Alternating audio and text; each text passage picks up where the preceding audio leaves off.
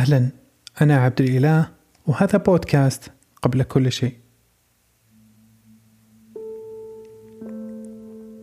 في زمن مضى كان البشر في صراع مع الكائنات الأخرى. ولأن الإنسان كائن تنافسي تغلب على كل الكائنات وبشكل دائم ومستمر وغير قابل للمقارنة مع المنافسين الآخرين مثل الحيوانات المفترسة أو غيرها.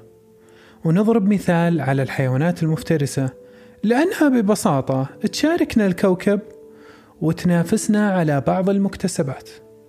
وبالنظر لوجود التقنيات والأدوات القديمة أو الحديثة نكتشف وبشكل قاطع إنها السبب الرئيسي في تفوق الإنسان.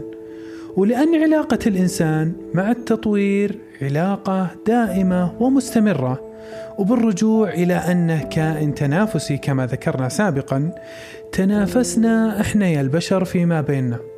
وكان هذا الشيء واضح جدا في عهد المماليك وغيرها من العصور ولحد اللحظة لا زالت المنافسة موجودة سواء منافسة سلبية أو إيجابية.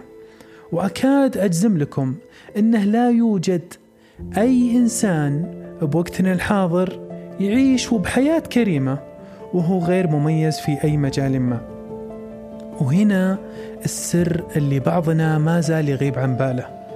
مع وجود أكثر من سبعة مليار بني آدم على وجه الأرض لا يمكن لك الحصول على فرصة جيدة إلا إذا كنت مميز في مجال ما.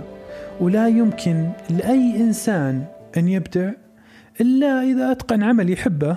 ويستمتع بالعمل فيه سواء في التخصصات العلمية أو في مجال التجارة أو حتى في المجالات الإعلامية والفنية.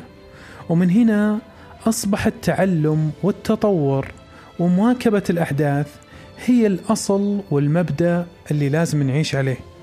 وإحنا بدورنا في هذا البودكاست التركيز على الإنسان وكيف ننجح ونتغلب على الظروف اللي تحيط بنا. لأن الإنسان قبل كل شيء.